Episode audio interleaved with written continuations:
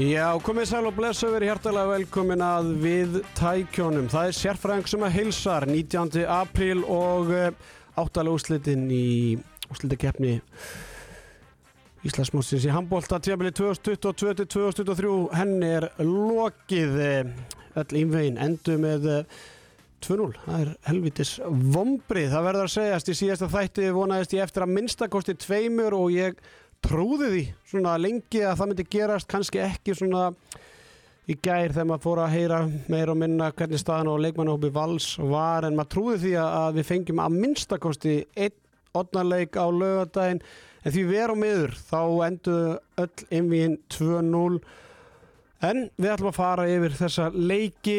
Mismikið undanúrslitunir klár ræðum það aðeins. En síðan í, í þætturum þá ræðum við þetta Málmálana, málið sem er á vörum allra landsmanna, það var vörpuð sprengja í handbóltaheiminum í gær. Sérfræðingunum ætlaði að vera fyrstum með fréttinnar í kvöld en á ótrúlega hátt þá eh, var morgunblæðið á tánum. Komið þetta í gerðmorgun, Vísir kom síðan í kjölfarið með viðtal við Dag Sigursson en í setni þættunum mun ég, eh, já, brjóta bladi í sögu podcast og, og lesa viðtal.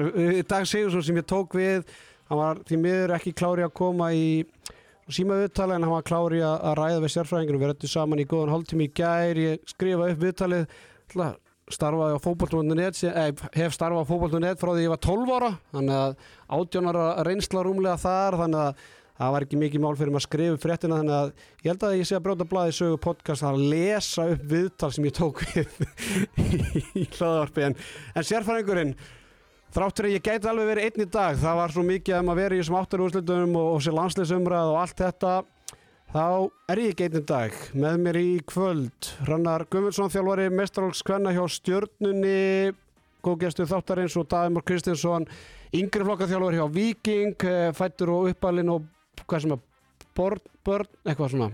Borin og badfættur. Borin og, badfættur Akkuringur Á brekkunni. Já, á brekkunni sjálfri. Með mér í kvöld, hjartalega velkonni báðu tveir. Takk fyrir það. Strákar uh, ég er, Það er eitthvað að segja mér að þessi þáttur fá- fái ágæta hlustun þannig að við verðum að vera beinskettir við þurfum að vera snarpir og, og, og góðir í hérna kæfturum því að það er það sem fólk vil sleggjurnar, gömul góðu sleggjudómana. Og ég treyst ykkur algjörlega í það. Uh, Við að fara yfir áttanúslitin eins og ég segi strákar, bara áður við byrjum. Vonbrið að fá ekki ottaleik í, í eitt einmýr hannar Já, sammála því. Þetta viljum við fá fleiri leiki til að fylgjast með en já, bara svona er þetta og því við erum miður. Þau, voru horfðir á sig einví áður við hérna áður þetta hófst. Sástu einhver ottaleiki hérna fyrir þeir eða, eða Ég bjóstu að afturölding fram er í jafnar einvi Ég, Það jafnar einví náttúrulega báði leikinir gríðarlega jafnir Já, en, en með við leikin í dag þá var afturölding að leiða með 6-7 mörgum en að ég bjóst allan við óttaleik þar. Já. Davíð, hvar, sást þú eitthvað ottaleikja hérna ykkur á viðregn? Já, ég er náttúrulega bara að teka undir með hannari Ég bjóst kannski við fram afturölding en, en við fáum bara samanskapi óttaleg í undanúslum Þannig að þið byggust bara báði við því að og og meira því síðar. Nei, Já, Herði, förum bara í Garðabæn, vindum okkur í, aftur á bak, förum klárum leikinu sem voru í gær, þar sem að eigamenn uh, sló út uh, stjörnuna 2-0, stjarnan frábæri í, í fyrirháleik, eigamenn hræðilegri í fyrirháleik, þvílíku viðsnúningur, þetta er svona leikur tveggja háleika, Hrannar, þú varst í, í Garðabænum, af hverju fóru eigamenn með Sigur Holm úr þessu leik?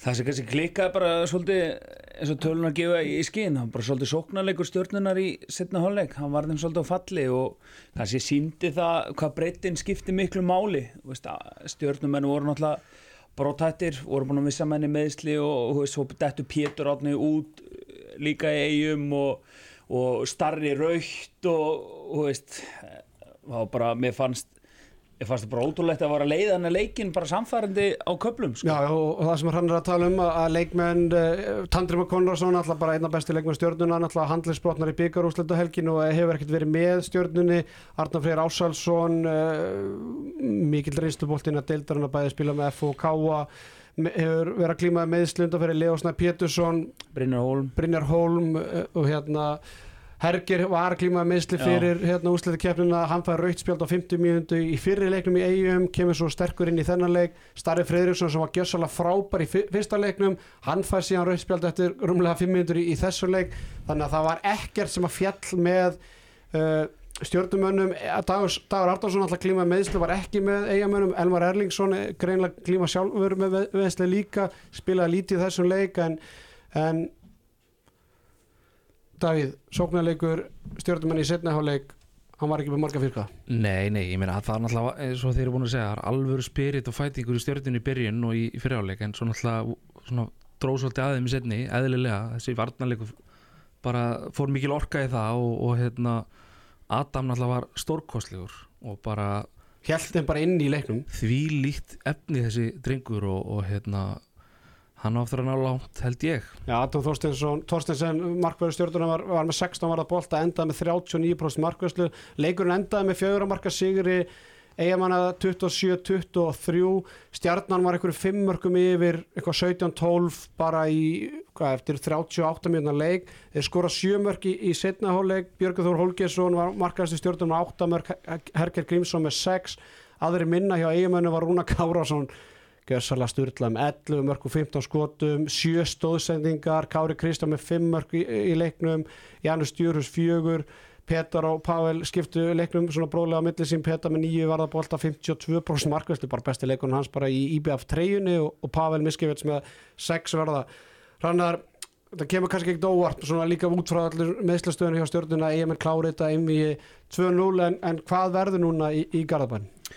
Já, eh, svo, svo sammála því, ég kannski leika eitt punktu með þessu, og þessi tala um Rúna Kára með 11-15, Jóhann, hérna, Jói P. var að spila geggja á vörn á hann og svona með við tölunar, það var þetta svona fyndið að því að tíma fannst maður bara Jói P. var alveg með hann, sko, Já, ég svo bara skaut hann bara Já, og ég, bombaði. ég horfði á hana leik aftur og hérna í gerkvöld og, og klifti þetta aðeins saman og maður sá það alveg að, að þetta var líka á öðru smá, smá bara grín, skilum við maður sá það að bæði Kári, Sigtryggur, Dagur voru hammar svolítið á rúna bara farðu maður og manna á hann, þú veist, hann alltaf var komið við tvís og tvær hérna miðbygg setnáleiks þannig að veist, það var líka svolítið bara þetta var svolítið orðið að bara grín á einhverju tímpúnti að rúnar alltaf bara geir alltaf í gegn á hann og hann skoraði þarna einhver 2-3 mörki upp að nei setniháleiks og síðan náði óanum á einhverju tímpúnti og, og síðan var Jói bara sestur á bekkin með tvís og tvær hérna lengi vel. En eins og sé, hvað verður um, um hérna stjórnuna eftir þetta tímpúti, þeir náttúrulega bara komin í sögumfrí Já, algjörlega. Og ég eh, náttúrulega verða klárlega ykkur að breyta ykkur á leikmannhófnum eins og við höfum talað um.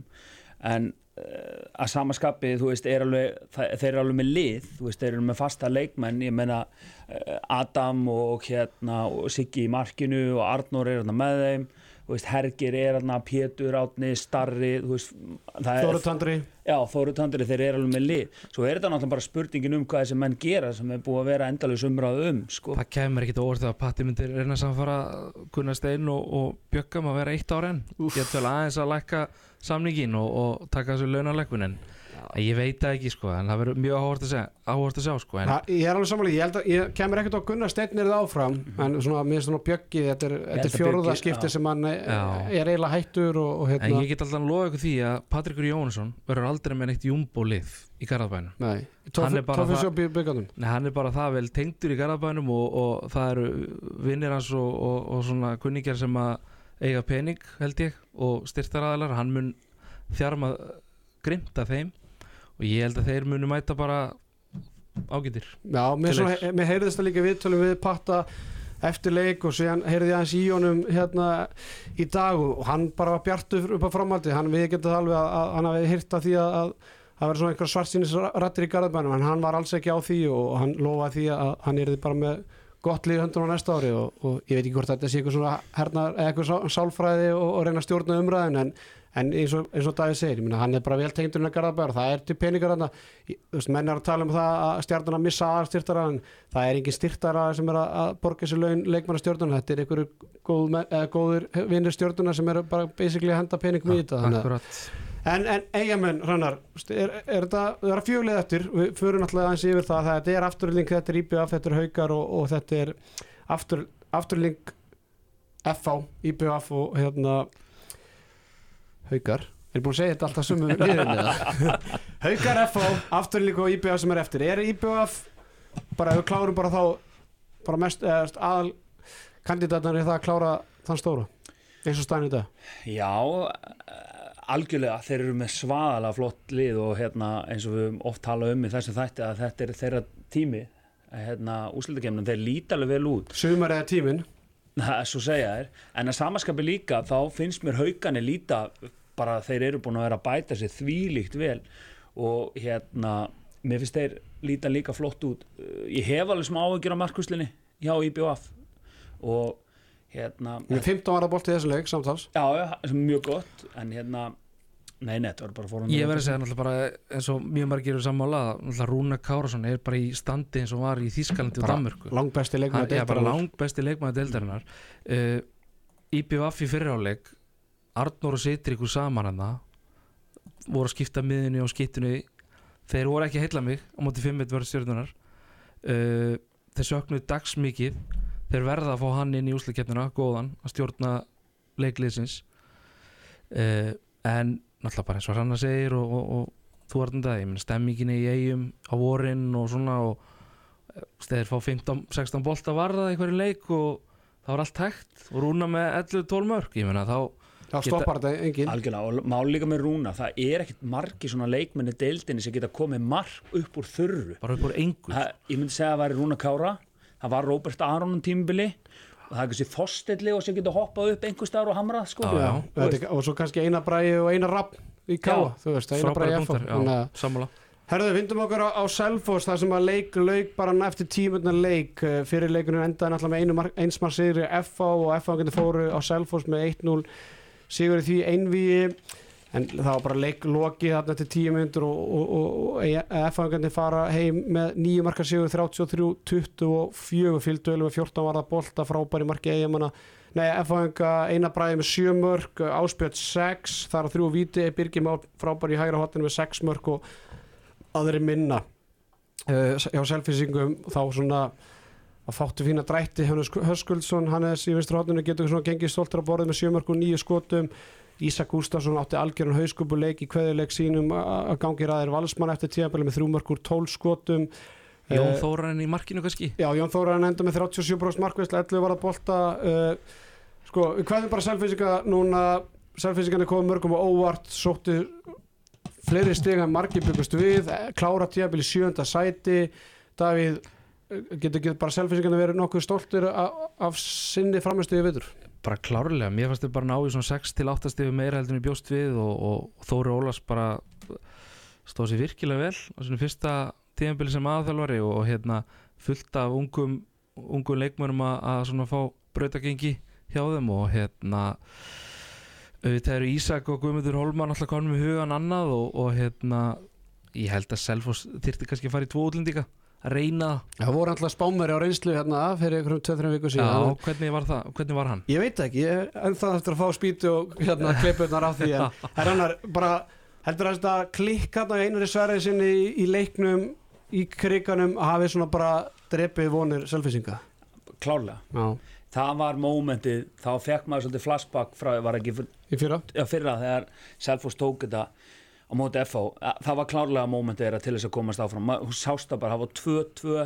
Þóra Ólafs tekur leikli held í stöðinu 7-2, FH kemst í 9-2 Já, þú veist, þá var þetta bara það bara sko. búið. Já. Já, og Ísak Gústafs, maður, ég veit ekki hvað hann var að spá í byrjun hann var bara komið sjö skot eftir bara átta mínútur Hann ætlaði bara að kveðja með stæl. Já, hann Það bara komið hugan við en hvað, hérna við erum að tala um, þú veist, selfisingarna, þeir eru búin að missa Guðmund Hólmar í haugana, Ísak Gustafsson er á leiðin í, í val, eh, Atli Ævar, það er svona sögursagnur um að hann sé bara að drefast í bakinu og allir bara segja þetta gott. Það er ma margir leikmenn sem að hafa svona orðaði við það að leggja skónu hillun eftir þetta sem er svona sorglegt fyrir deildina, Strópus er spurningamerki. Strópus er náttúrulega spurningamerki eftir hvert tífambil það er- skiptir ekki máli hvað hann er á landinu það er alltaf sett spurningamerki við hann en hann einhvern veginn skila síðan alltaf sínu þrátt fyrir að vilja vel útborga á hverju, hverju mánaðamótum og, og hérna með feitan tjekka þar sem hann endar alltaf. Það er svona að verðist vera mannekla hér og þar og, og félögur er tilbúin að já, djá, svona Já, ég held sko, Raggi Jó verður örugglega áfram uppalinn selfisíkur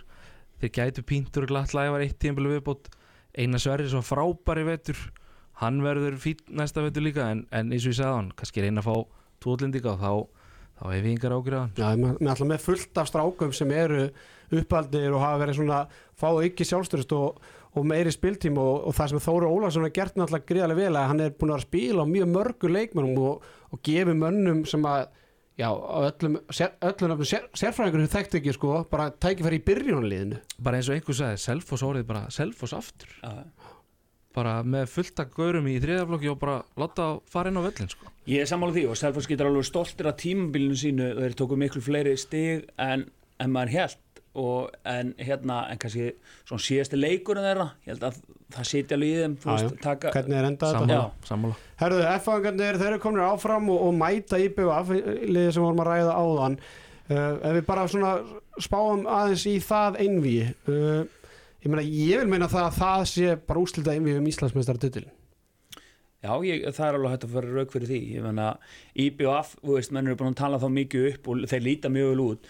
FH hefur einhvern veginn alltaf sigla þeir undir ratanum, þeir eru alltaf hérna búin að löngu búin að negla annarsættið einhvern veginn, mæti þetta einvi, þú veist, jú, jú, fyrsta leika mútið Selfoss, taugatitringur og ma maður er ekkert eitthvað mikið að taka mark á þeim leik, svo mæta það bara með kassan út og Selfossi og slátra þeim, sko, þú veist, FH hefur alveg veist, er með hrikalega breiðan hóp og það sem Steini hefur gert frábælega er að dreifa álæginu hann rótir að mikið, ég meina þetta er ekkert smá Sammála. þú er með Egil, þú er með Ása þú er með Einar Sindra og þú er með Einar hérna, þú veist, þetta er og eina bara í því líku standi sko. Já. fyrrjáleikunum mútið Selfoss það var bara algjörlega, þetta er spurning hvað með Ágúst akkurat hann, hann er mjög mikilvæg fyrir þeim Döl er frábær í markinu þú veist, eh, þeir eru bara að spila ógustlega vel. Þeir munu vefja ágústi inn í bómul fyrir, fyrir undanústin En það svona, það er svona eitt punktu sem að ég fekk svona sendi aðranda leiks, eða þú veist, eftir leikin er að, að þú veist, þrátt fyrir að F-fangandi fara auðveldlega með selfinsinga þá getur Egil Magnússon ekki átt betur farmestöð en eitt mark og fimm skotum. Þú veist að þú ert að nefna ykkur að breyta og allt þetta ég meina,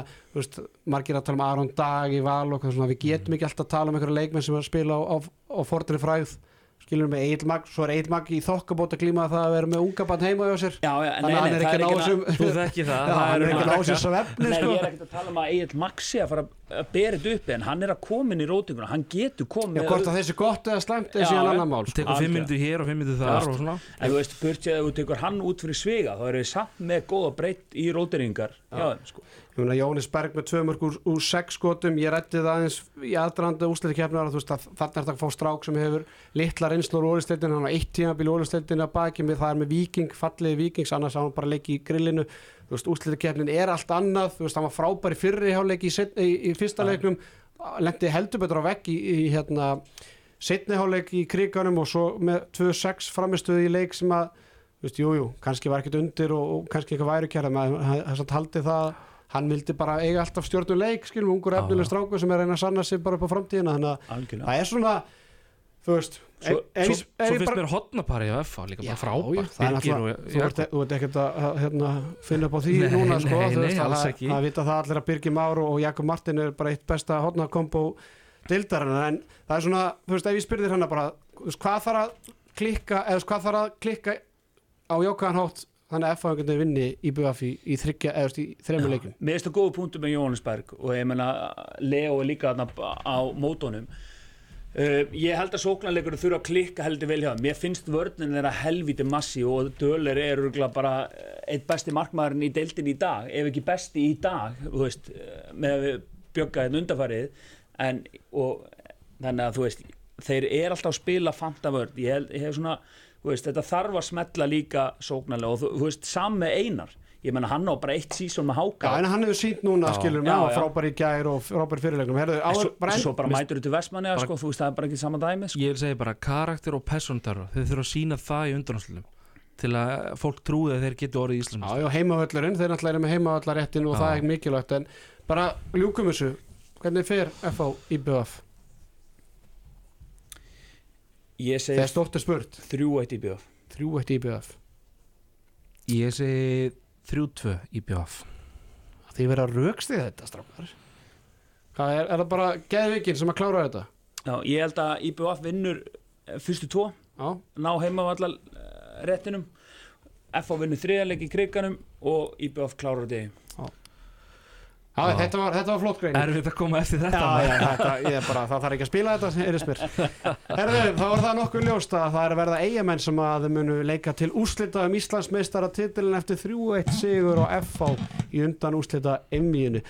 Rósur Steina Ardal, þetta er fyrsta sinn sem að hann kemst í gegnum áttalega úrslitin sem þjálfar í mestarlokki og, og ef ég væri með klapptakkan þá myndi ég gefa hann gott klapp þannig að ég bara tekið þetta hérna bara per, persónulega, vel gert Steina Ardal og, og velkomin í undan úrslitin Herru, þá var það setni tveir undan úrslita leikinir um það hvaða lið mætast í setna einmíinu og það er náttúrulega byrju bara í Mosó, Hrannar. Þú varst í, í Mosó. Ég verði um það. Ég sammálar, ég spurði þér núna í uppáð þáttar hvað, hvað innvið þú helst að myndi fara í óttaleik og ég meni ég bara Gunni Magg og Steppi Átna þeir eru bara að gera kraftaverk í Mósisbönn það er bara með ólíkindum að þeir eru, eru byggamestarar það má ekki glemja því að afturlík komst ekki áttalúst í fyrra basically með svipað lið. Þetta er bara svo góð dísilvél. Já, algjörlega, ég menna þetta eru klárlega mögnu úslit fyrir afturlýtingu og ég menna hérna, bara svo leikurinn í dag frábær leikur í afturlýtingu sóknarleikur hérna uh, framara var bara rosalega mikið og miðju að leita línunni, Þorstein Gauti að leita og svona. Þetta var rosalega styrt hjá þeim svo, jújú, söksuður í lokin en það er náttúrulega líka bara hérna, sko það má ekki gleyma því með afturlýtingu nú er búið að vera rosalega mikil umræði hjá Val og Twitter að vantar Benotelli og þess að gæða þennan og hinn og það það gleymis líka hjá afturlýtingu mm. Pétur Júniusson er frá og mér er alveg sama þó að menn segja að hann sé búin að vera tæpur allt tímbili sami Róbert Arni og Val. Beggi er búin að vera frá núna í, bara síðan í februar Gestur meittist á æfingu daginn blært eftir út á móti fram í fyrirlegin afturhelding er með enga breytt enga, þeir eru að spila með átnabræði sem miðjumann nummer 1 og Stefan Magna 2006 mótil í hæra Stefan Magni, gott og minnist á hann. Hann hefur valla klikka skot. Þú vart ekkert að segja með það, hann er bara ekki búin að klikka skot. Er þetta bara... bróðir Egil's hjartar það er hárið rétt þá fáðu það staðfæslu stundu góður að Stefan Magni Hjartarsson, hann er litli bróður Egil's hjartar sem er að gera rosalega hluti í færisku deildinu hann er góða þjálfun í yngreflokkunni og hrannar hann hérna, það er hárrétt. Hann er einn af fjórum eða fimm La Mosso Akademian en, nei, en mér finnst það þú veist, sko, fram þetta er ekki en smá breytt og Einar Jón skerir vel í að nota breyttina og mér finnst að þeir hafi ekki unni eitt leik hérna á móti afturlíku mér finnst þetta hrikalega vel ég gert meina framarðin unnu afturlíku tvísar í deildinni ég meina afturlíku var ekki búið að vinna fram í sjö leikjum fyrir þennan leik. Við vinna náttúrulega síðasta leiki í framleikingu já, þannig að í 60 minna leik þá voru afturlíka ekki búin að vinna fram í sjö leikjum frá árun 2019 og líka, fyrir ekki, líka fram hafi ekki sko unnið afturlíku þegar einaringi Rapsson var komið tvísar tvær sko. Snemma leiks eða ekki? Já. og blært farin út þar áttur að vinna alltaf En segðu mér bara hrannar, þú varst á leiknum. Segðu mér, af hverju vann afturleikann leik? Afturleik spilaði geggjaður þeir átt, framarni áttu bara engin svör við við hérna uh, vartanleik afturleikar um, afturleik stjórnaði líka svolítið tempónu sérst svona fyrstu 45-50 mínutunar og svo bara sást að bæri lega í lokin þegar frambyrja að saksa vel. Átni Bræ var gjössala búinn. Birki Ben hann var gjössala búinn ah, Þorstin Gauti, nei Þorstin Leo hann var gjössala búinn sko, það, það var ekki til að skipta. Stefan Skeving kemur inn sem í nokkra mínútur til að leysa átna bara af. Hann á engar mínútur í meistarlokki en finnst oft sko Stefan Skeving hefur hann ekki spilað eitthvað í öttur? Jú, eitthvað nokkra röstmínútur En hann er einhvern veginn samt alltaf náða að koma stór, stór slisalöst frá því þegar hann kemur inn á og bara svona að gera ágætlega En hvað, gefur Einar Jónsson þjálfur fram bara fallengu fyrir þetta yfir eða? En kannski ekki fallengu, ég menna að tapa tvisa með einu marki á móti ég tapar alltaf þremur í framleggingunni En hérna, nei, nei, maður, ég viðkynna, ég bjóstu meira fram eftir hvernig þeir voru búin að spila í vetur og mæta afturlíku, þú veist og sérstaklega eftir að blær dettur út. Veist, mér, veist, blær dettur út í afturlíku þetta er ekkert smá skarf ja, sóknarlega og varnarlega. Ekki síst varnarlega sko. hvað hérna framarnir við hvaðið þá í þessum þætti ná heimavallaréttunum ná fjórðarsætunu fara í undanúslit í, í byggjarnu þessu tímabili, við erum búin að tala um breytina gríðarlega breyt, margmannstaðan kannski svona spurningamerki brekir hafa ekki svolítið frábær í fyrirleiknum uh, náðu sér alls ekki á, á streiki þessu leik og, og munar á markvæstunni endaði nú bara einhverju þrejum fjórum boltum en, en svona ástæðan fyrir að afturleik leiti lungan að leiknum miklu mun var kannski að, að Brynja Vigna var frábæri í marki í afturleikari í fyrraháleik með tvo atvinnumenn í, í Marko Koric og, og Luka Vukisevic uh, nokkuð ljóst að Luka, Luka Vukisevic hann kveði fram eftir þetta tíðanbíl og Rúna Kárasson alltaf á leiðinni heim í, í fram ungir leikmenn sko Þósteinn Gauti finnir svo yngavinn í þessu einvi reynir þó Stefánsson með 2 mörg og 6 skotum í, í þessum leik uh, hvað svona hvar setum við þetta tíðanbíl Davíð? Ég, ég meina finnst frábært að maður ná fjóraðsætti deild ég sé framtíðina bara mjög bjarta hjá fram með allt þetta allan hann efni við sko. Breki og hinn markmæðin hvað er hann, Arnór eða ekki Jú. ég meina Kjartan þú veist, Reynir Stefán Orri Arnalds. Já, Stefánur Arnalds, Ívologi þú veist uh, Lúka náttúrulega fer og maður að heyra að hann getur mögulega að fara í IBF eða grótu þeir fá Rúnar Kárasson ég meina allir þessu ungustrákar einu ára eldri. Þetta verður bara, verða ungu strákunni bara einu voru eldri eða? við hlóum að þessi í dag þannig að ég ákvaða að skjóta, skjóta þess að þig. En ég, meni, ég sé bara framtíðina mjög bjarta hjá fram greiðarlega mikilvægt að ungu strákunni verði einum ára eldri næsta ári og það verður mikil vombrið ef strákarnir eldast ekki um eitt ár núna í, í, í sumar. En, en uh, sko það sem ég ætla að segja en ekki þegja er að ég tala aðeins um það í síðasta þætti og sérstaklega í setjumbilgjuna það er greiðarlega mikilvægt fyrir fram að komast í undanúslitin úr þessu imi, skilum við, þetta var ágætlega greið leið að komast áfram líka bara varandi næsta skref. Þú veist, þú ferð ekkert eitthvað rosalega langt varandi með svona uh, reynslu og allt það skilum fram, ég sé ekki framarinn að bara fá Rúna Kárásson og þá er þið bara allt í náttúrulega content, con- content, ég skil Íslandsmeistar til á næsta ári, samt er þið bara með frábært lið Já, já. skiljum við, þannig að bara það að fá reyni fá Stefán Óra Arnalds uh, Kjartan Þór, þessa markmenn til að fara í undanúslita einmið keppa þrjá fjóra leiki þar. Fullt hús já, skiljum við, þeir tapa nokkuð Já, samfærið í undanúslinni byggar, þar fengu þeir fallengun ég gef þeim fallengun núna mér er skýt saman hvort þú tapa með einu eða tuttu skiljum við, þú bara klárar ekki verkefni svo það átt að klára, þú átt að fara í oddaleiki í þessu einmið, það er bara nokkuð ljóst. Þannig að ég held að Einar Jónsson og þjálfari til mig fram sé gríðarlega svegt að vera komin í sumafrí úr því sem komið var. Ég hitti Halla Þorvar í dag og grínlöst, hann sagði við, við vinnum með 6-7 hann var mjög borubrattur Úf, hann er ánægð með að þú sért að segja þetta hérna. Var þetta á, á, á, Smart Soul? nei, Nei. Á, ég segi það ekki hvað það var. En ég held að við getum alveg sammála því og ég held að þessi getur launung og mál hjá fram að þeir séu hrikalega svektir með að hafa ekki komist í undanúslit og sérstaklega móti afturlýtingu en geta afturlýtingu sé eitthvað lélegt. Fram er bara búin að vera með frábær tök og afturlýtingu í tvö ár, þrjú ár. Ég meina afturlýtingu, var ekki fram sem vann afturlýtingu í fyrra Jú, og eiginlega hérna fyrir þeim að komast í undanúslit nei, í, í úslitakefni já, þannig að þú veist eh, það, er ekkit launung að mála þeir hérna þeir eru mjög svektir og lögðu mikið í liði sitt í vetur með tvo atvinnumenn og hérna það kostar miklu til að fá þá. Og, og flotta unga leikmenn. Þannig að ég er alveg sammála því að til að taka veist, ég, ég er eins og stanir í dag þá sé ég það ekkit endilega sem title contender fyrir næsta tímabil. En já En- en, að, ég held sér bara að geggja alltaf að Rúnar hann mun hjálpa þeim svo mikið með svo margt líka andlega þáttinu svona unga, unga, unga göruna sko. herðu, förum í, í síðasta leikin og þá getum við líka tengt það eins við afturlýningu uh, förum á ásvelli þar sem uh, brotið var blað í sögu íslensk handbólta liði áttundasæti hauka sló út deildameistarana 2-0 með uh, já, nokkuð sannfarandi hætti verður að segjast. Fyrir leikurinn endaði með tvekja marka sigri hauka 24-22 einhverjir byggustu spennandi leik í dag. Ég var ekkert svo viss. Staðan í hálfleik 13 4 lokatölur 33 14 áður en við hefðum þetta strákar valsarni skora 14 mörg í þessum leik. Yngvi Þór Sæmundsson blaðamæður á, á vísi kom með góða tölfræði núna í kvöld á samfélagsmennum Twitter þar sem að hann fer yfir fæst mörg í leik í úsleitikefni frá 1992 fæstu mörgin sko hafa háká skorað gegn afturlingu í árið 2000, árið 2000 um aldumótin skoruðu 12 mörg þar í, í tapið sínu. Síðan skoruðu haukar 14 mörg gegn val 1995, haukar skoruðu 14 mörg gegn val 1996 stjarnar gegn Káa 1997 við sjáum það, sko, það er orðin helviti langt síðan þetta var. Uh, Valur gegn haukum árið 2023 þetta er náttúrulega bara ótrúlegt sko.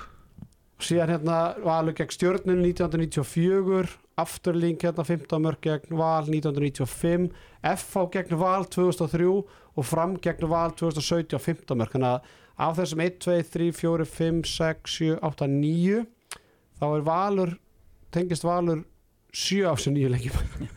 Það sýnir kannski það hversu oft Valur er í úsluðkefnin en strákar, Rannar, ég veit að það er þórðagleði á þér núna. Alls ekki. Já, greinast. Þetta er góð fræsi frá kaupanum.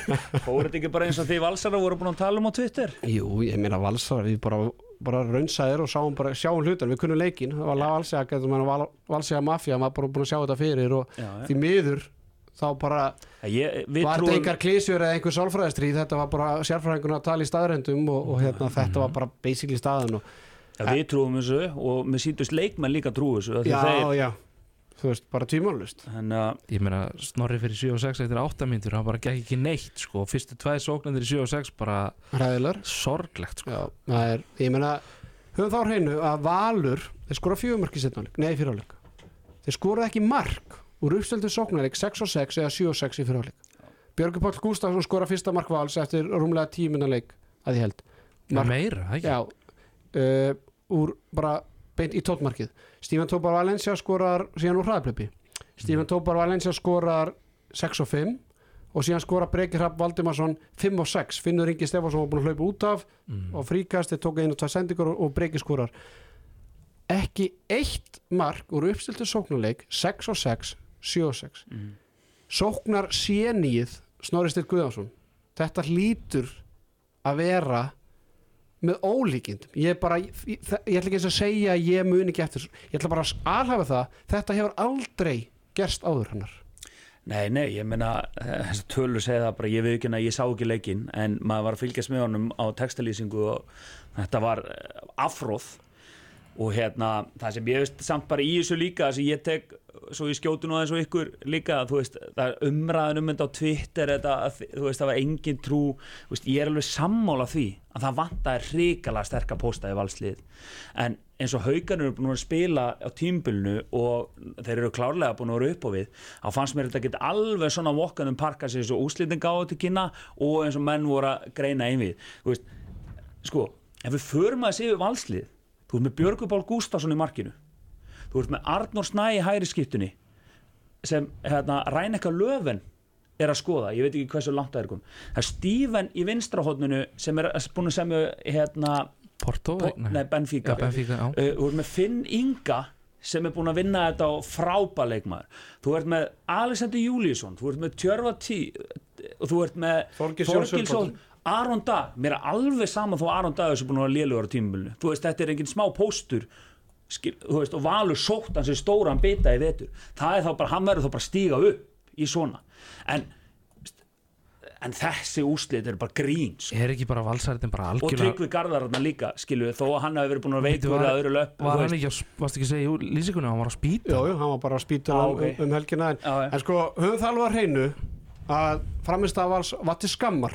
og Snorri Steit viðkendi það og sagði það bara réttilega eftir ég tilkynnti eða var sum, sama máli í útsendinguna áðan uh, ástæðan fyrir að ég talaði um það að Valur ætti ekki breyk í kvöld það var ekki út af meðslum Benna, Magga og Robba heldur út frá þeirri staðreind hvernig Valur hefur að spila síðustu tvo mánuðina já, já. þannig að ég er alveg sammála þér og ég, þetta var nákvæmlega sem ég sagði og hef sagt á Twitter og hef sagt hér í þættunum að framist að liðsins er bara til skammar síðustu vikur. Þeir eru búin að tapa átta leikjum í röð sex af þeim. Þetta eru leikir sem eru búinir í hálfleik. Og eins og þú nefndir réttilega þeir voru að spila á fáum leikmönnum en það ekki, lengi vel í jú, jú. Bara allt og fáum algjörlega, og þetta er líka punktur sem við höfum alveg farið yfir og svona sem, áli, sem er alveg hægt að skoða núna að því að, hérna, að, því að Snorri Steit geggjaði þjálfari og bara frábæra og maður sem ég líti upp til en líka við skoðum eins og Agnarsmári á leikjum hans satt lengi út af skilur í mörgu leiki sem Valur var að slátra í byrjun. Veist, það er alveg Aron Dagur, Tryggvi Garðar þeirra, það voru alveg leikmenn sem sátu mikið á bekknum og svo þegar, þegar þeir þurftu að fara að stíga upp í lokin út frá meðslum, þá gerðu þeir það ekki. Nei, nei, ég meina, þú veist það var að tala um það í byrjun vetrar að ástæðan fyrir Aron Dagur væri sítjönda bekknum væri það því að þeir væri að koma honum inn í ykkur hluti ég spil bara inn í hvað hluti var að vera að koma Aron degi inn fyrstu fjóra, fjóra fimm umferðum maðurinn var Ma- atvinnumæður á maðurinn skandina bara gat ekki neitt og þeir höfðu ekki ástæðu til að spila honum fyrstu leikina skilum við, það er bara staðrindin staðrindin var ekki svo að það var að koma honum eitthvað inn í eitthvað leikplan af því að ef það var það hvað var þá hver að koma honum inn í? Já. Já, já. og líka sko út frá þeir dutt út úr hérna, byggarnum og svo fóru þeir að spila við göppingen og ég skil spennufalli sem var eftir það koma heim, klára deildina og hérna þeir hafa ekkert um að keppa. Voru þetta ekki þrý leikir? Eftir, jú, jú. töpu, hérna, en úsleitakemnin þetta er bara nýtt mót og menn verða bara að gýra sig inn í það og svo svaka sjokk að missa Magnús Óla bara uh, klárlega. En að mæta svo inn í þennan leik andlusir og, og bara sína enga vilja sko. Það er algjörlega lerka, lerka lið bara líkamlega og andlega sko. bara, þú veist, það þarf eitthvað að það, það er ekki að sjást í fyrsta skipti í dag. Það er þess Nei, vegna sem að ég var að tala um það staðreind að Valur ætti bara ekki sjens í þennan leik. Og ég meina Ásker Örni spurður út í það í viðtali eftir leik. Við með góður, ég þetta er bara kjánalt að hlusta á manni tala. Hann er spurður út í það hvort hann hafi verið sammála því eða ósammála því að, Valur hafi verið underdogs í þessum umí og hann talar hlæra því og sér já það má nú ekki kleima því að við töpum IBF með 14 mörgum já, en hvað gerir um, umfyrir undan? Þú slátraði val. Já, skilur mig, þú veist, allar að taka eitthvað eitthvað í eigum og þá bara, nei, herðu, við erum ekki underdogs ég meina, Valur hefur ekki unni leik í fleiri, fleiri vikur. Nákvæmlega. Ég meina, Arnór Snær Óskarsson hann hefur ekki hitt á sinn rétta leik bara þessu ári. Skilur mig, hann er í leiknum í kvöld, þá var Arnór Snær með tölfæræðinu eitt mark úr fimm skotum klikka tveimu vítum í, í leiknum í, á hlýðarenda það er Arnór Snær með tvö, nei, Arnór Snær með tvö mark úr sjö skotum. Er þetta ekki bara síðan þetta- síðan þetta ræna eitthvað löf en orrumur byrja er hann ekki þá bara svona, er þetta ekki búið hann bara rosalega mikið það? það er bara nokkuð ljóst. Já, en svo má þetta ekki líka gleymast að hauganir eru bara að spila helviti vel. Og ég menna það var líka ofta tíum ég menna, sko Valur er ekkert eina liði sem hefur lendið meðslum hauganir voru bara með þráin líka úti Guðmundur Bræi var off veist það er orðlega leikmenn líka með Aron Rapp, Tjörvi. Ég meina Aron Rafnir með 64% markvist í kvöld. Ok. 64% Klárum, klárum alls umræðina Davíð kom aðeins með þetta inn hérna og þú varst aðeins að ræða þetta varandi hvernig Snorri Steinn var að spila á liðinu. Alveg hárið, förum bara aðeins yfir þetta.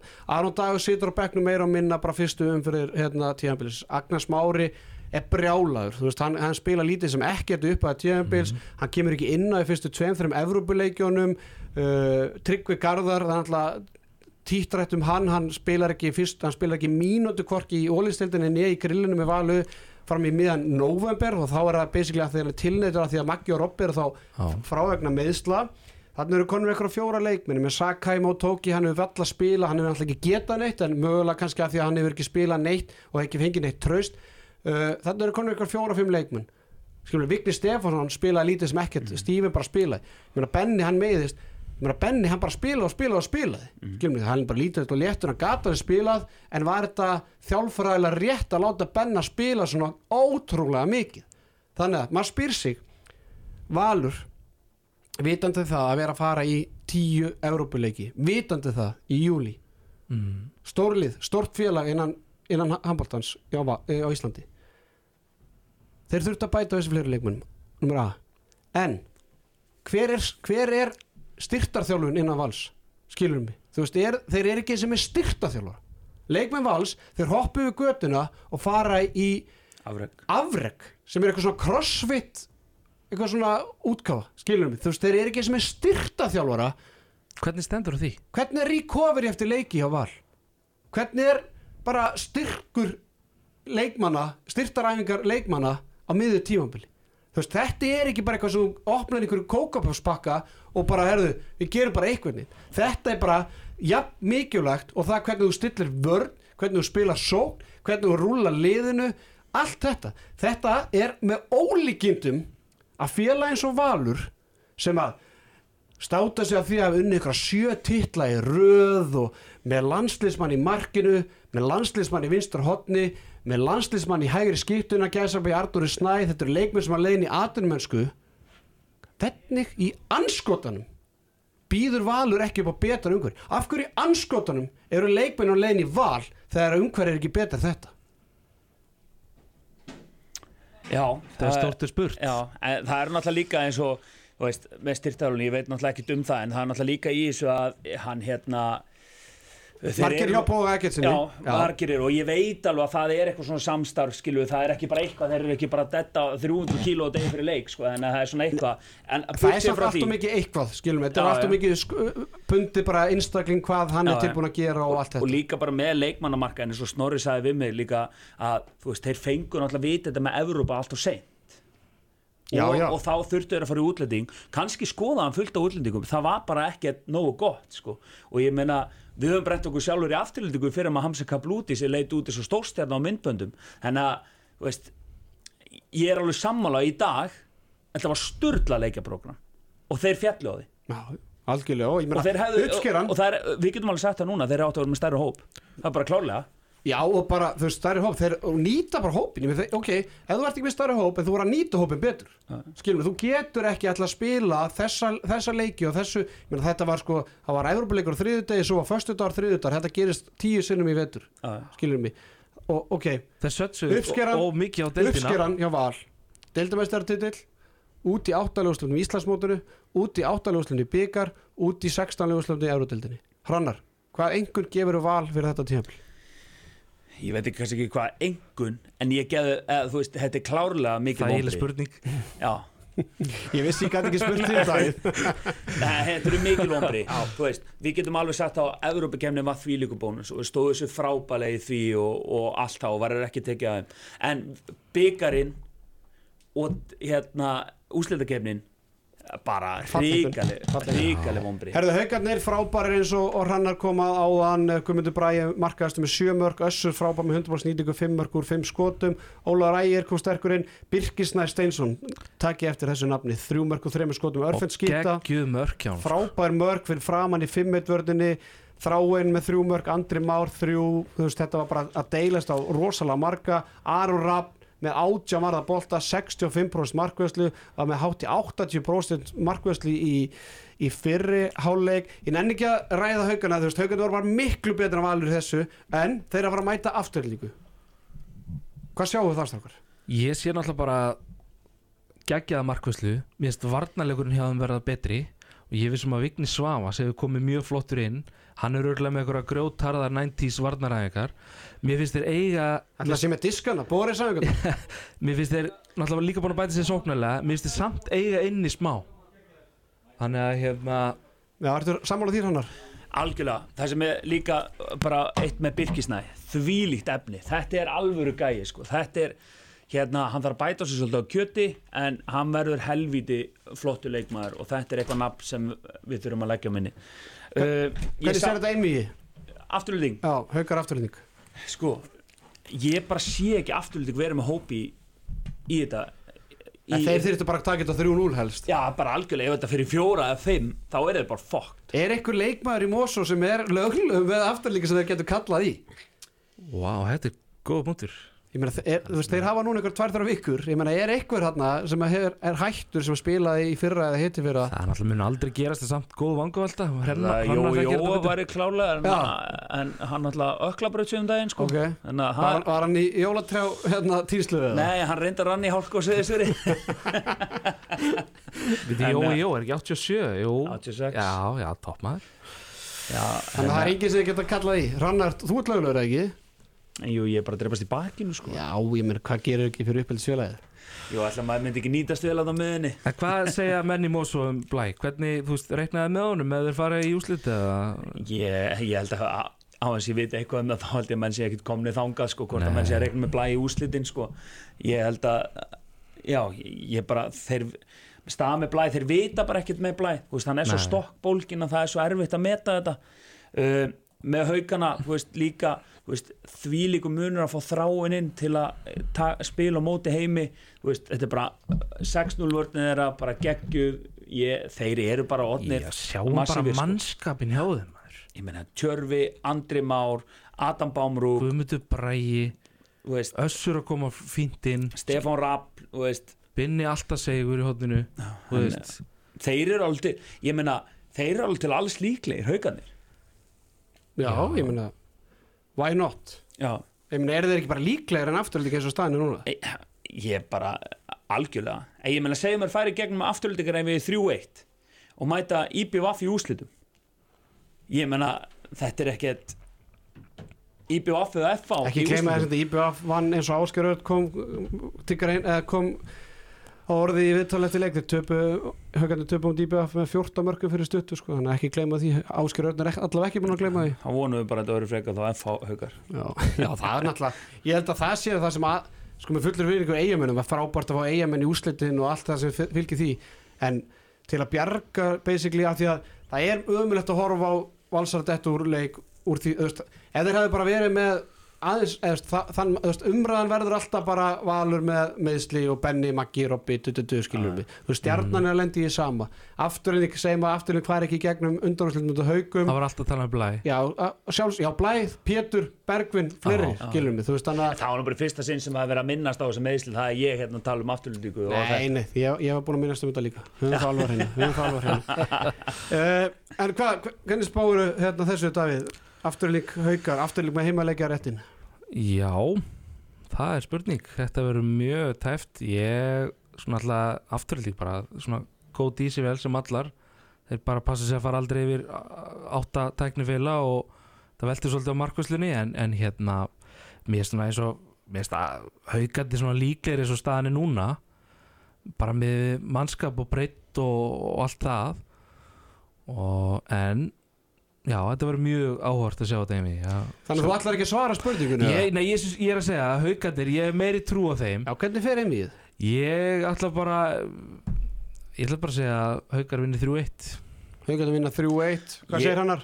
Já, haugarnir vinna 3-1 Ég er bara svo það líka punkturinn í þessu að markvæslan hjá afturlíku er bara búin að vera mjög óstabil Binni kemur inn í fyrirháleik ver frábælega og dettur svo niður, Jóhann kemur inn byrjar ekki stert, tekur mikilvæg bolta og hérna, þetta er búið að vera svolítið svona upp og niður í markvæslinni á meðan Aron Rafn er að búin að vera helvíti góð núna. Alltaf í úslitakefni snýst þetta alltaf um markvöslu sko. það Það er bara, bara- hárið Heldur betur strákar. Uh, Áður en við höldum áfram þá longar mér að uh, spila aðeins viðtal sem að var tekið við Björgum Pál Gústafsson eftir leik uh, Hauka og Vals á ásöllum í dag. Tilfinningaríki ríkt viðtal sem að tekið var við Björgvin og, hlustum aðeins á það. Já, klálega. Og hérna, frábært tímabil eh, endar já, eins og, Það er vera standi í ströngu vinna titil og, hérna, og spila sér Evropakefni og við vildum ekki enda svona það, það er umhverfið endir á tímabilinu hérna, það er svona kannski fegur líka við, bara við sportið að hérna, þetta getur alltaf að fara svona líka. Voru þið andlega og líkalega þreytir svona fyrir, fyrir þessa viður? Ég er bara að tala við sjálfum mig sko, þetta maður alveg endalins orku en hérna, jú, jú, maður vel verið sem bara bensinlausir, ég held sem bensin sem meira bara andlega heldur en heldur en eitthvað annað og hérna, og sér henni í klefa til okkur núna þá hérna, þá hérna, gerir ykkur fyrir það, mikil, mikil, hérna, mikil vonbri og hérna, var alveg bara svartur í gaur hérna að fara, það meira það sko,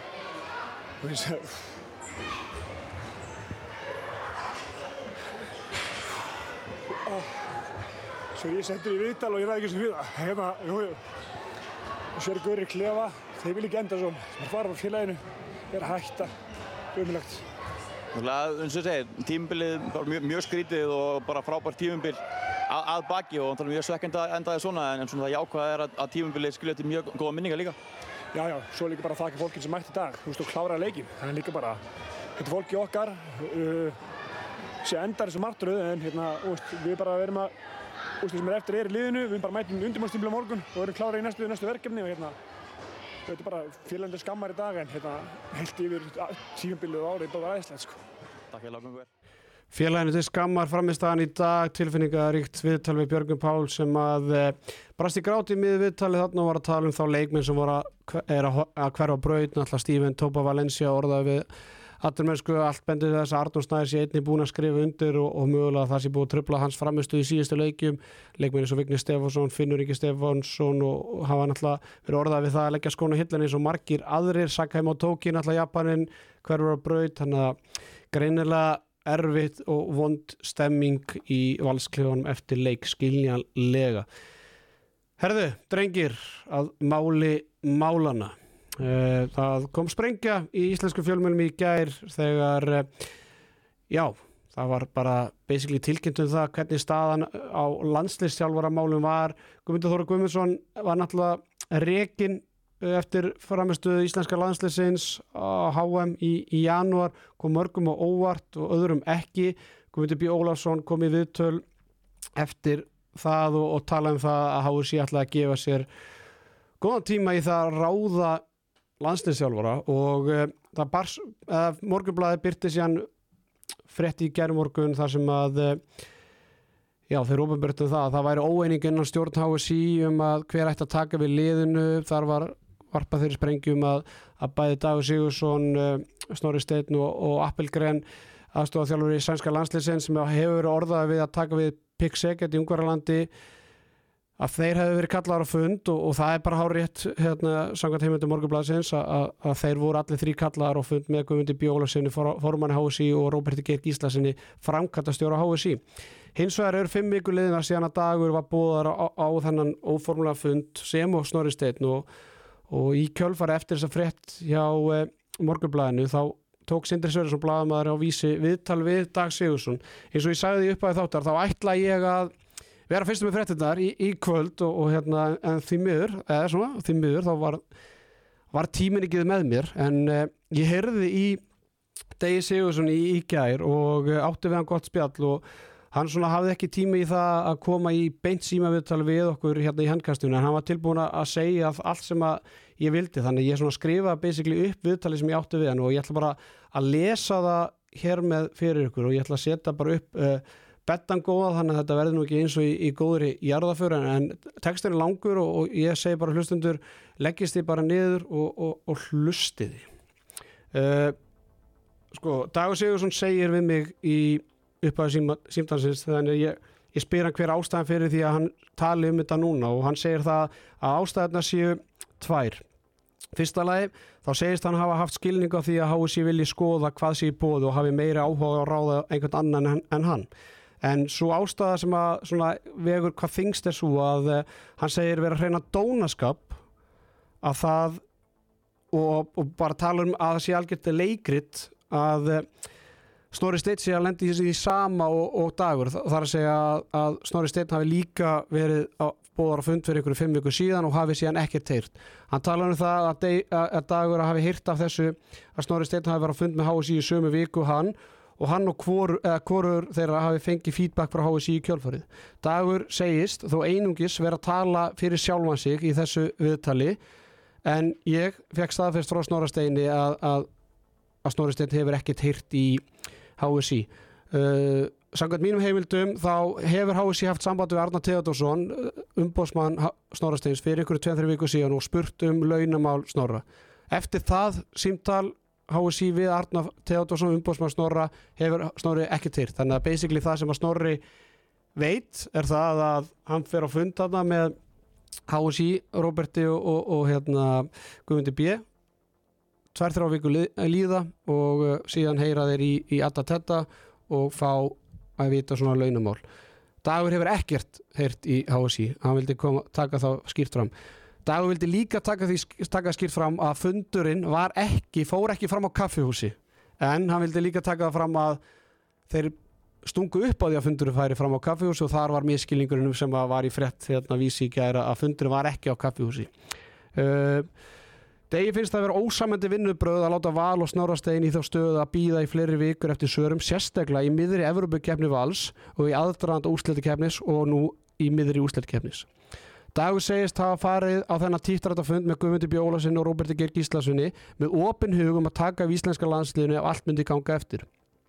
Sangat mínum heimildum opnuðu bæði dagur og snorri á þann möguleika að þeir myndu taka við liðinu saman og þetta kom náttúrulega fram á vísi í dag og þetta staðfyrstu bæði dagur og snorri við mig að þeir opnuðu báður þann möguleika að þeir veru klárir í að taka við liðinu ef HSI myndi óskefti því.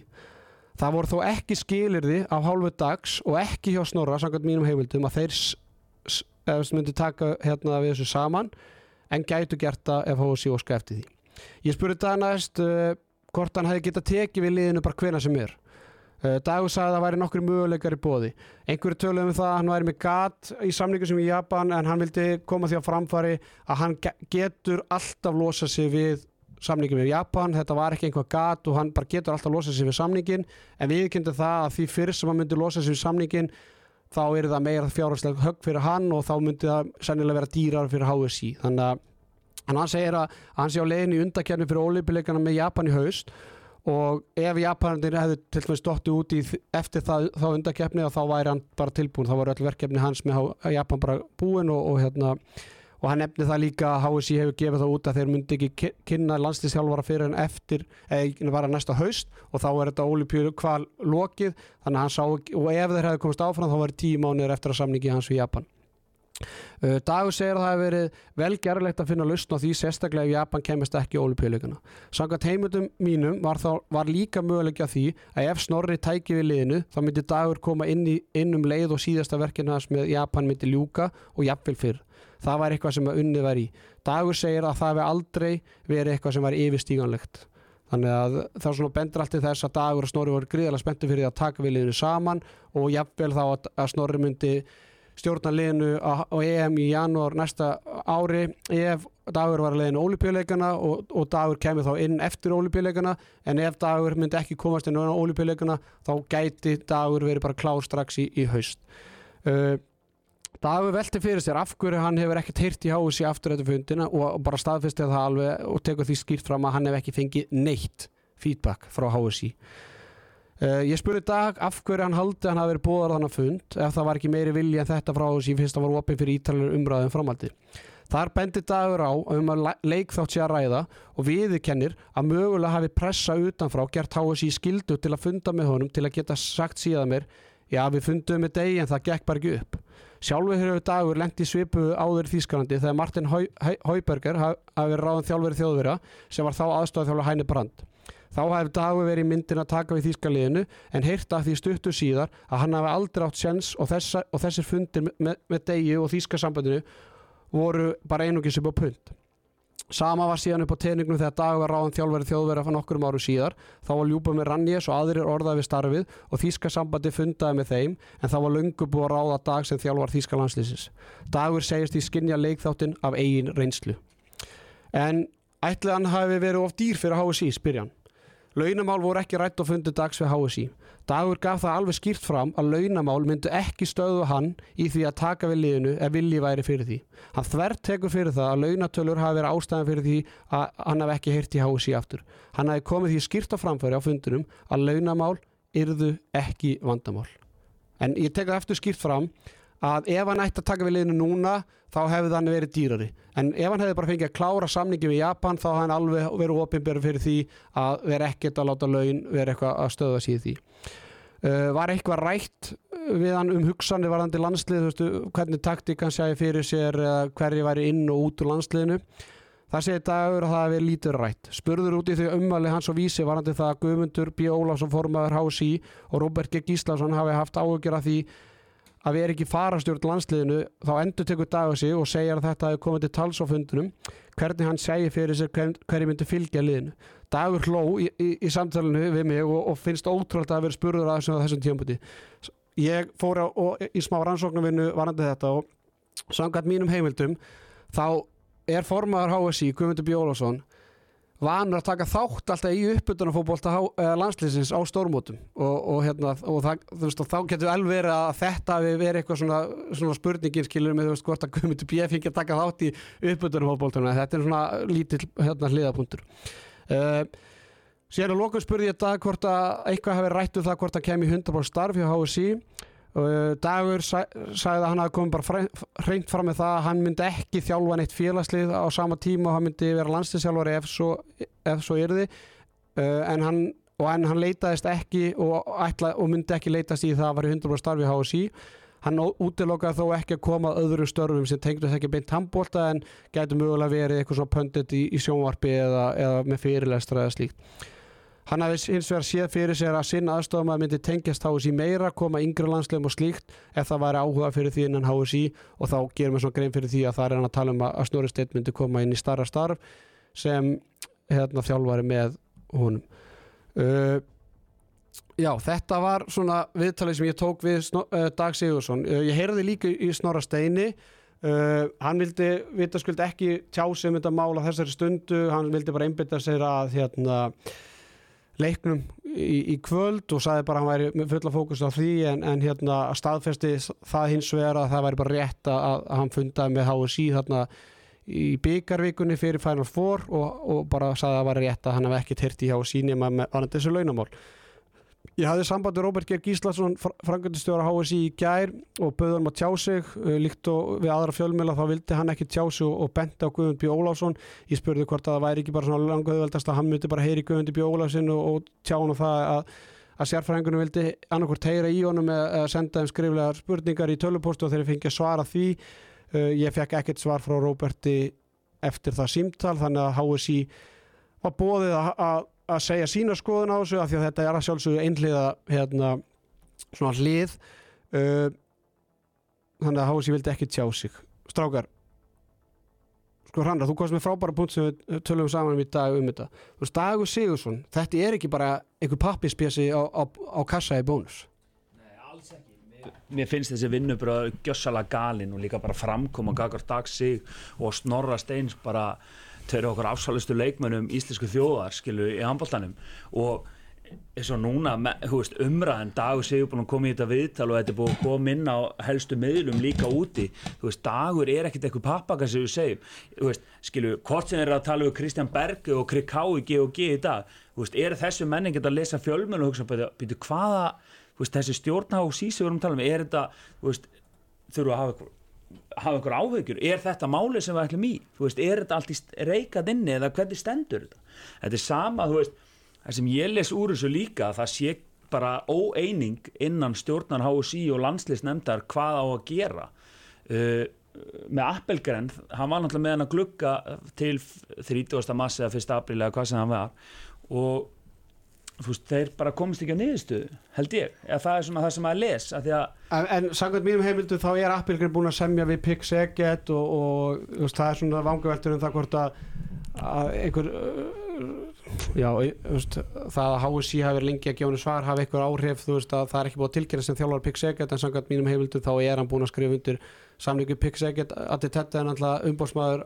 Appelgren einnig mm. þannig að það er svona þetta frettist allt en, en ég velti fyrir mig bara, þú veist, gæti þessi orð Dag Sigursson haft áhrif á aðra þjálfara sem HSI er að hafa samband við Erlendis frá, allir þeir, þú veist, lesi þetta og þú veist, Dagur er mjög harðorður í viðtalinu vísi og tala bara um að hann hafi áhugjur af stöðum ála innan HSI vilja ekki vinna fyrir þessar menn, af hverju ætti maður eins og Kristján Berge að koma og bara hefur vilja vinna fyrir menn? Þegar að, ég meina margir velta fyrir sér, þú veist hvað var vandamáli innan landslýsins, ég meina skilabóðin sem að Guðmundur Guðmundsson sett inn á, á Facebook eftir að, eftir að hann var rekin, ég menna voru þau beintað Gunnar Magg og Gustaf Jó voru þeim beintað landsliðinu, voru það beintað, beintað stjórninni, þar sem hann talar um það var hann eitthvað svona að vinna með idiotum, skilur mig eitthvað dagstæðilega, þannig að mm. þess, þessi orðdag Sigursson hafi áhrif á bara stöðu að hafa síðan að retta eða finna tók þjálfara auðvitað munu Erlendi þjálfara bara þú veist dagur, ég minn eins og þú segir hann, hann var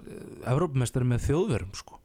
það er ekkit smá dæmi og hérna auðvitað munu þeir svona hugsa sér tvisar um og ég ætlum að heyri í degi og svona en ég held bara svona inn í enda þá mann aldrei Erlendi þjálfari þjálfa þetta lið sko Þú heldur það? Já Það er vilji en hann háa síkar uh, helmingsins Hver er formaður landslýsendar? Er það ekki Sko höfum það alvar hinnu uh, Hlutverk landslýsnefndar er engin okay. ég hef heyrt í mönnum minna landsleisnefndar þeir bara hrista hausin skiljum, þetta er bara Guðmundur Bjólásson ah. meina, en landsleisnefnd kemur til lögur Þeir, já, já, en þeir eru ekkert inn í þessu með, En Palli Þóróls, er hann ekki formað landsleisnefnda? Hann og Dagur Sigur er bara mjög góði vini sko. Það er mjög erfitt fyrir Palla að horfa upp á þetta sko. Já, já, bara margra Það er Markus Mánir inn í þessari landsleisnefnd og... En ef við tökum þetta eins hérna, okay, það var talað í byrjun fyrir 5-6 vikum við Appelgren, Dag og Snorra já. ekki satt Hvaða tvö nöfn eru búin að koma upp eftir þetta? Kristján Berge og Krik K. saman já. og hvena kom það upp? Fyrir viku síðan, cirka já. Hvað var við að gera í þessa fjóra vikur? Leita af einhverju erlendu þjálfurum Já, stó, þú veist, af hverju var þá ekki bara hringt í Snorra og Dag og sagt bara, herru, hérna, við ætlum ekki að nota það er næsta spurning, hvað finnst ykkur um það að háa sér fundi með þessum mönnum dáðustu sínum handbóltans basically á Íslandi og heyri sér bara ekkert í þeim þetta fund. Ég meina hrannar, ef, ef þú er nú ert þú samlýslaus, segjum að þú fara að fund bara með HK skilur mig, þeir vilja að þú takir við kallaliðinu þú færir á fund svo bara myndur ekkert heyra í þeim. Þetta er líklegt að þú fikið starfið það Nei, bara alls ekki. Það er bara gali vinnubröð sko. Bara þess vegna eru þeir líka bara búin að segja óbeint að dagur er ekki option og snorri er ekki option. Nema þeir séu bara í einhverju neðsta flokki bara ef allt klikkar af því að er, þeir voru bóðar á fund fyrir fimm ykkur síðan. Já, þannig að næsta spurning, hvernig myndið þið túlka þetta ef þið værið í sömu spórum og ef þið værið í sömu spórum og snorri steit til þess Mér finnst alveg smá ótrúlegt líka eða ekki ekki ótrúlegt en mér finnst að sína rosalega mikið hvað snorra langar í þetta jobb skiljið, þú veist ef það sést bara leiði langar að í. gefa þetta frá sér þú veist, bara, bara uh, prinsipmál skilu ef hann hefði ekki. Og líka eins og við tölum um snorrið þjálfari vals og auðvitað þar HSI ekkert að horfa endilega bara á það en að halda val í gíslingu. Þú veist, hvena verður hann ráðum? bara í júli þegar allir erlendið eða þú veist, Já, sko, ok. Ég Snorri meina, er náttúrulega Snorri- verður að fá svör sem fyrst sko. Já, en höfum þar heinu, við vitum ekkert hvort að Snorri takir þetta eins og að sér, skilur mig, Nei, veist, auðvitað, hann stífur ekki fram núna í viðtal og segir að ég, ég tek ekki við þessu, þannig að er ekkert búið að bjóða honum eitt, skilur mig, þannig að þetta er svona svipa og það Björgur Póll hætti landsliðun en tók svo í fyrirvara ef ég er því val, Já, já. skilur mig, veist, þannig að Snorri Steinn ætla aldrei að fara að stíga fram og segja að ég ætla ekki að taka veist, það væri meira þá að hann er bóðu og hann myndi bara segja nei og það Já, er já. ágætið statement, en, en ég er alveg sammálagi, það er svona, lítur alveg út fyrir að hann sé gríðarlega spenntur fyrir þessu starfi og, og svona skiljanlega kannski, en, en veist, ég er alveg sammálagi, þetta er alveg galinn vinnubróð, það má ekki gleyma því að HSI er ekkert nema félögin og þannig er bara HSI bara enn og aftur að skýta í heið. Skilur við, þú veist það, það, það er ekki lokkmódla í kringum HSI þessa dagana. Þeir verðast vera klúður af því að handbólti vera á stöð 2 á næsta ári. Sem eru hræðilega fréttir. Sem er ræðilega fréttir. Þetta, ég meina, ok svo er annað sem að menn hafa líka velt fyrir sér síðustu dag og vikur af hverju í anskotunum var ekki löngum búið að rífi gikkun og reka Guðmund Þórð Guðmundsson ef staðan hans innan landslýsofsins var eins og raunber vitni og sagan segir það bara að það voru leikmennir innan landslýsins sem þurftu að st- standa upp og segja mönnum sem var að stjórna nákvæmlega hvernig staðan var Guðmundur B. Óla- Guðmundur. Ólafsson landslýsnefndin, Róbert G. Gíslason þeir vissu alveg hvernig staða Guðmundar Þórða var innan landslýsofsins hvernig gengi hefur verið hvernig bara mótsjó var innan liðsins. En það var ekki fyrir innan leikmenn innan liðsins þurftu mögulega að láta klefan leka láta fjölmjölumenn vita til að umræðan verið tekin. Og það var ekki fyrir en þá að leikmenn, eða, nei, leikmenn fjölmjölumenn og þar meðal ég voru með eina gæsalega sleggjudóma að Guðmundur B og þeir sem eru að stjórna HSI þorðu að rífa í gikkin það voru leikmennan landsliðsins sem þurftu að láta klefan leka skilur mig? Þú veist Guðmundur, Þorður Guðmundsson var löngu búin að missa klefan og það hefur verið marg rætt en af hverju var ekki rífið í gekkin jú þetta er vinur þeirra. Skilur mig? Og þetta, þetta er það sem við vilja. Þú veist Já, þetta ég- er en mér, Eh, eh, bara, sko, það er með ólíkindum að það er ásting núna framöndan í HSI og það er engin búin að hérna, bjóða sér fram á mótorum og Guðmundur B verður bara hlæjandi í bankan hvað er, búin, að- hvað er búin að vera það lengi sem Ég langar ekki vita það mér, mér getur ekki meira saman nei, svo líka, hann er búin að vera í ykkur á átt ár en það er, hann er, þú veist, það má eins og ég vera hann aðeins, hann er alveg búin að gera marga góða hluti, en núna lítur þetta ekkit vel út, þú veist, í, með stöðu landsinslega, þetta er náttúrulega bara eitthvað grín, hvað er búið að taka langa tíma og vanda vinnubröðin og, þú veist, það, það er náttúrulega klárlega ekki verið að vanda sig alveg þú, þú, þú komst að einu punkti varandi þú veist að halda val í gíslingu. Uh, fyrir rúmlega mánuð síðan þá ringdi ég Róbert Geir Gíslason frangvæntastjóra HSI og spurði hann aðeins út í stöðu HSI og hvernig, hvort að þeir væri í stöðunni eða bara hvort þeir mættu ræða við samningsbundið þjálfara vals. Mm. af því að Snorri Steinn er nýbúin að skrifa undir nýja samningu val. Uh, og hann sagði bara að sjálfsögðu þurftur að hafa sambandi val að- fyrst og ég sagði Robert, ég meina Valur er ekki að fara að standa í vegi fyrir því að, að Snorri Steinn taki við íslenska landslíðin og hann sagði nei, nei, það- það sjálfsögðu ekki en við þurfum að að fara þá leið og ég sagði ok.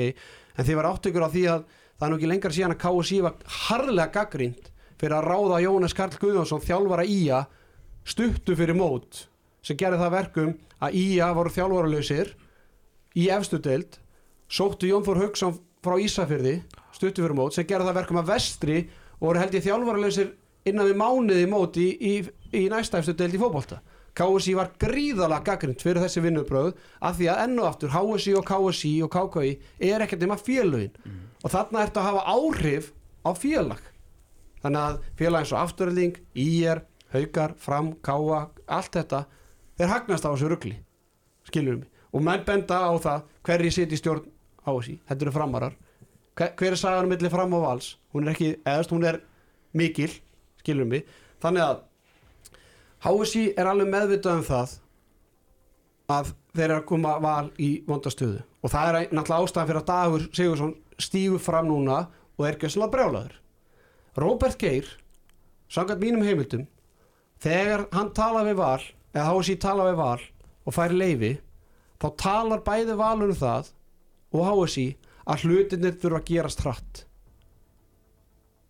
HSI er alveg meðvitað um þetta að þeir verða að vinna, hlut, uh, vinna hlutan hratt út frá í hvað stöðu valur er. Og valur er ekkert nema bara fjöleun eins og allarinu sem er HSI uppskýran það er fundur tveið fyrir viku setna hringt í umbósmannin og spurt um launamál. Og síðan heyrist ekki múk. Hvernig stendur á þessu? Strákar? Það er eitthvað rosalega skrítið í þessari sögu sem er ekki komin yfirborðið Já, þetta, Það það er vantar, eitthvað. vantar einhverja hluta að senda sko. Menn á velti fyrir sig líka hrannar hvort þetta sé ykkur pólitísk flétta hjá Degi Sigur til að hamra á HSI til að klára snórastin Já, ég, sko, eins og ég les út úr þessu þá vill hási bara útlending. Já. Það er bara eins og ég les út úr þessu. Og menn er að tala um Kristján Berg og aðstofþjálfari G og G, ég sé það ekki ég held að, Kjeld þessi, Vilhelmsen? Já, ég held að þetta sé Nikolai Kriká aðalþjálfari og þeir sama sem makkara getur verið flott, þeir eru með sama ég meina umbósmann eitthvað kosta það? En nákvæmlega og svo eru bara umbósmönnum og fljúa þeim Það er það líka alveg að reyna Kristján Berg eða nýráðin eða er, við hérna, önnur spurning. Af hverju ætti hann að vera í því verkefni og með Ísland síðan nummer AA eða skilur þetta er eitthvað algjört hliðar hann vildi halda Noregi með Kolstað no, norskal Já, það er bara allt annað að Já, vera með já. Noreg skilur hann þekkir það gríðarlega vel er að vinna í Noreg og allt þetta. Þú veist að það að fara að taka af Íslandi þú veist þetta er bara allt annað. Já, já, en kannski Nei, Guðmundur Þóra Guðmundsson, hann átti erfileikum með þetta. Ég meina, hann var ek ekki að ná að fylgjast með öllum leikmennum Íslands. Nei, nei, algjörlega, ég er alveg sammála því og veist, ég er alveg þar Kristján Bergu og Kriká saman getur mynda helviti skemmtilegt par en ég bara dómarapar þá.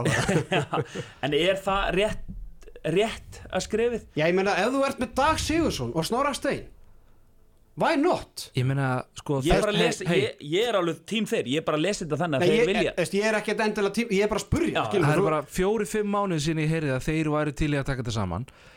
Þeir eru til í að taka þetta saman. Öll þjóðin vill fá þá tvo saman á liðið.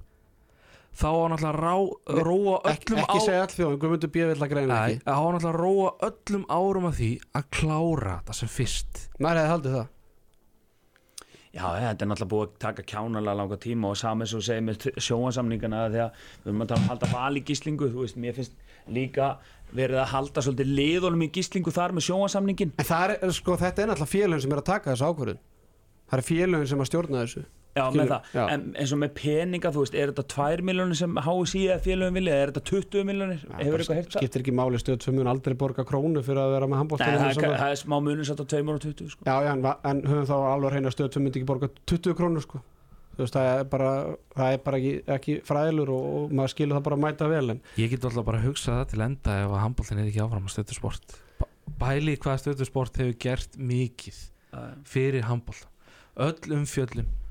alla fréttunar að vísi, Já, að því á veist, vanda, stærsta máli er náttúrulega það að halda handbóltan inn á vísi sem er bara fjö- mest lesni vefur landsins. Munið hvernig, hvernig það var í den hérna? Það var bara oft bara eftir tíu fréttir Það var bara sínt í 30 sekundur Algjörða, en þetta er ekki smá mál framundan já uh, hvað maður segja, Robba og Gumma eða, eða stjórn HSI að klára landsinsjálfara og sjóansamningin þetta er, Þeir þurfa að vaði þetta bara sem allra, allra fyrst. Takk hvað hérna, þú veist, hvað sjáu í framhaldinu með þetta landslist þjálfarmál, ég meina, sjáu þið í alvörinni fyrir ykkur að, snóri steitt takið þetta? Ekki úr þessu.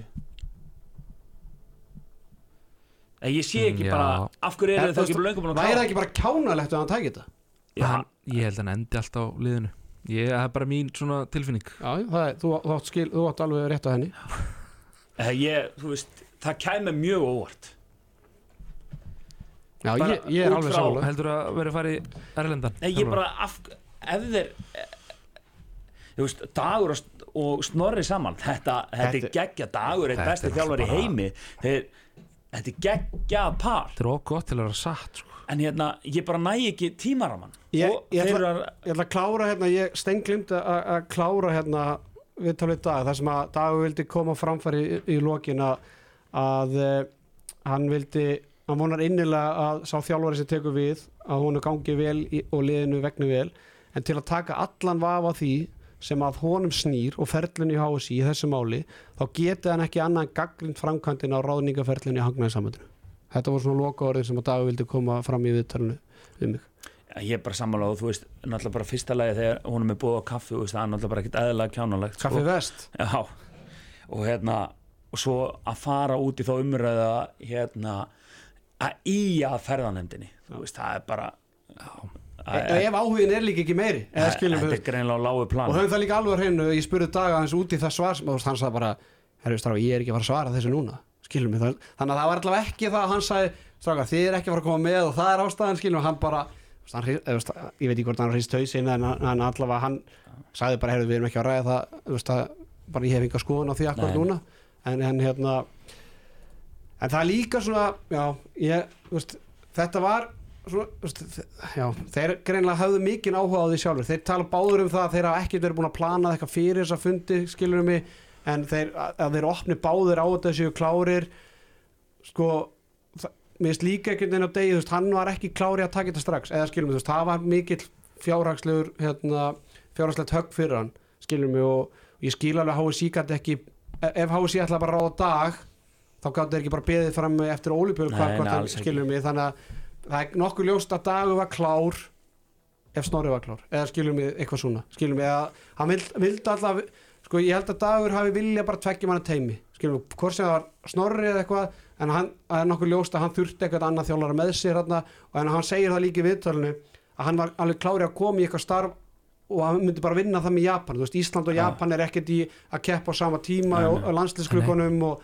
þannig að þráttur hann væri ennþá þjálfar í Japan að þá hefði hann verið klári að byrja að vinna bak við tjöldin og allt það þátt hann kannski hann hefði ekki sittið á bekknum og allt það. Þannig að en hann það er nokkuð ljóst að, að, hann þyrfti alltaf einhvern góða með sér og hann var mjög spenntu fyrir því og ég menna ég held að Kristján Andresson að tala um það í viðtalið við okkur fyr, í, í janúari, februar eftir HM að þegar hann talaði um áhuga sinna að ef, í- ef, ef, íslenska landsliði ætlaði einhvern veginn að nálgast þessar stór þjóðir þá þyrfti bara að vera stór stór þjálfara teimi Já. skilur mig, þú veist og ég meina, hvernig hefur þetta verið undan farar, þetta er bara Guðmundur Þóra Guðmundsson gjössalega að fara á, á sko, límingunum yfir það að þurfa að vera bara með allt á herðum sér með Gunnar Magg og, og Gústa með sér og skilum við hann að þú veist, því ég held að það er líka svona sem að dagur var kallað þetta bara þú veist að þetta þyrfti að vera miklu starra teimi, faglæra teimi í kringum þetta og þess vegna vildi að bara góða meðfjálfara með sér. En, en hann að sko, dagur loka alls ekki á það að taka við íslenska landsliðinu strax en hann við getum það að það erði þá starri pakki sem HSI þyrfti að borga því að hann myndi ekkert vita það hvað Japanendi myndi borga þarna á móti og, og allt þetta sko. þannig að hvort að Japanin myndi losna við hann þá bara strax og segja það með samningnum, hann myndi fá okkar greitt aðan eða hvernig það yrði en, en höfum það líka alveg á hreinu.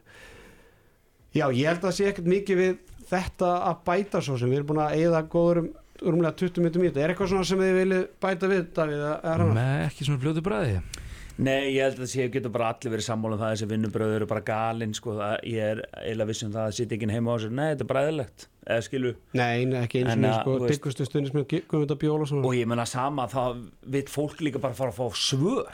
Já, er það ekki svona, það er næst, svona síðasti punktur, ég meina, er bara eðlilegt að HSI bara tjái sig ekki um þetta mál?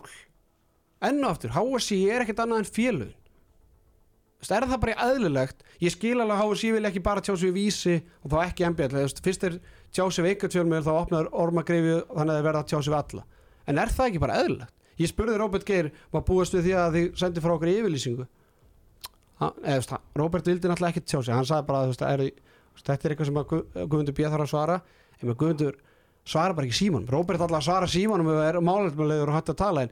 Guðmundur B. hann er bara í ykkurum ykkur feluleik sko. hvenar er ástingi? Það er í lok apríl 30. uh, hafið eitthvað heyrt ykkur orðráma um að einhverju sé að það er sér fram búið að renna út glöggin Glögginn er bara runnin út. glögg í rauninu út, ok, ok ég var ekki alveg með það orðinu Varst að spája að bjóða það? nei, alls Þá, þú væri flottur í þetta Nei, ég bara, þú veist, ég, það, það hefði verið gaman að fá eitthvað svona mótframbóð og eitthvað svona, þú veist, fá eitthvað smá fútt í þetta. Ha, ég, meina, ég, ég er nokkuð viss á það ef einhver almennilegu maður hefði bóðið sér fram Guðmundur Bíu væri búin að bara gefa þetta kynna að hann ætla ekki að bjóða sér fram Sko, ég, sko, ég þekki Guðmund B. Ólafsson ekkit persónulega.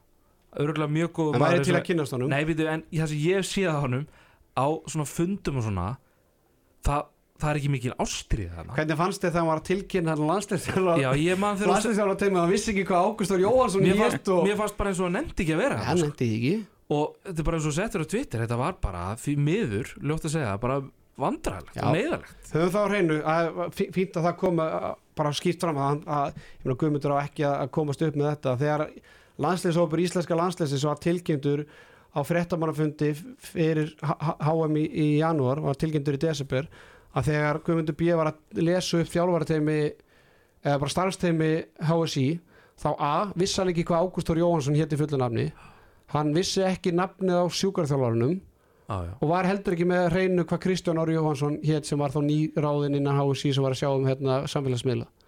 Þetta er ekki bóðulegt þú veist, hann var með þetta upp á glæru og hann afsakaði sig því að hann var ekki með, var ekki með glerugum sín. Þetta er formaði sambandsins. Þú veist, þetta er eins og ég myndi fara á jammu og skýti í mig og afsaka mig að vera ekki með bleiðu sko. Skilur mig, þú veist, það, þú veist það, þetta er gjössalega út úr kortinu. Þú veist, við, hann vissi ekki hvað Ágústur Jóhansson hétt bara einn, hvað maður að segja virtasti þjálfari bara Íslandi síðustu tíu ár og, og bara Íslandsmeistar ég veit ekki hvað landslist, hvenna landsliðstjálfari til margra ára aðstofþjálfari, hvenna landsliðsins ég menna, úlíka landsliðstjálfari hann vissi ekki hvað Ágústur Jóhansson hétt ég menna, kristallast þetta ekki bara ágætlega í því hver þessi maður er Já, já, ég veit að ég er að setja ykkur þá stöðu sem þið viljið ekki en, en ég sá það nú bara svipnum ykkur að þið voru nú bara nokkuð sammála þessu. Herðu, ágættis yfirferð á þessu við bara óskum uh, starfsmennum HSI bara gleðileg sumars. vonandi að þeir hendi sér ekki í mánuða sumafrí því að það er nóga málum framundan. Uh, Sérfræðingur þakkar Rannari og Dæm og Kristinsson kærlega fyrir komuna undanúrslitin far hefjast undanúrslitin Íslandsmótan hefjast fjórða mæ framundan er landsleikja pása og ég er ekki frá því að eh, sérfræðingur hendi í eitthvað neyðapott í næstu viku og við ræðum aðeins landsliðsmálin. Tveir leikir framundan í undakefni fyrir EM í næst, á næsta ári. Íslendinga, íslenska landslið flýgur utan á laugardaginn næsta mæta Ísrael á 50 daginn 27. apríl og mæta síðan eistum 30. apríl. Þannig að það er það er ykkur tveggja veikna pása núna á úrslutukefninni vonandi að fólk verði ekki búin að gleyma því hver þjóðar íþróttin er þegar við hefjum leika á ný.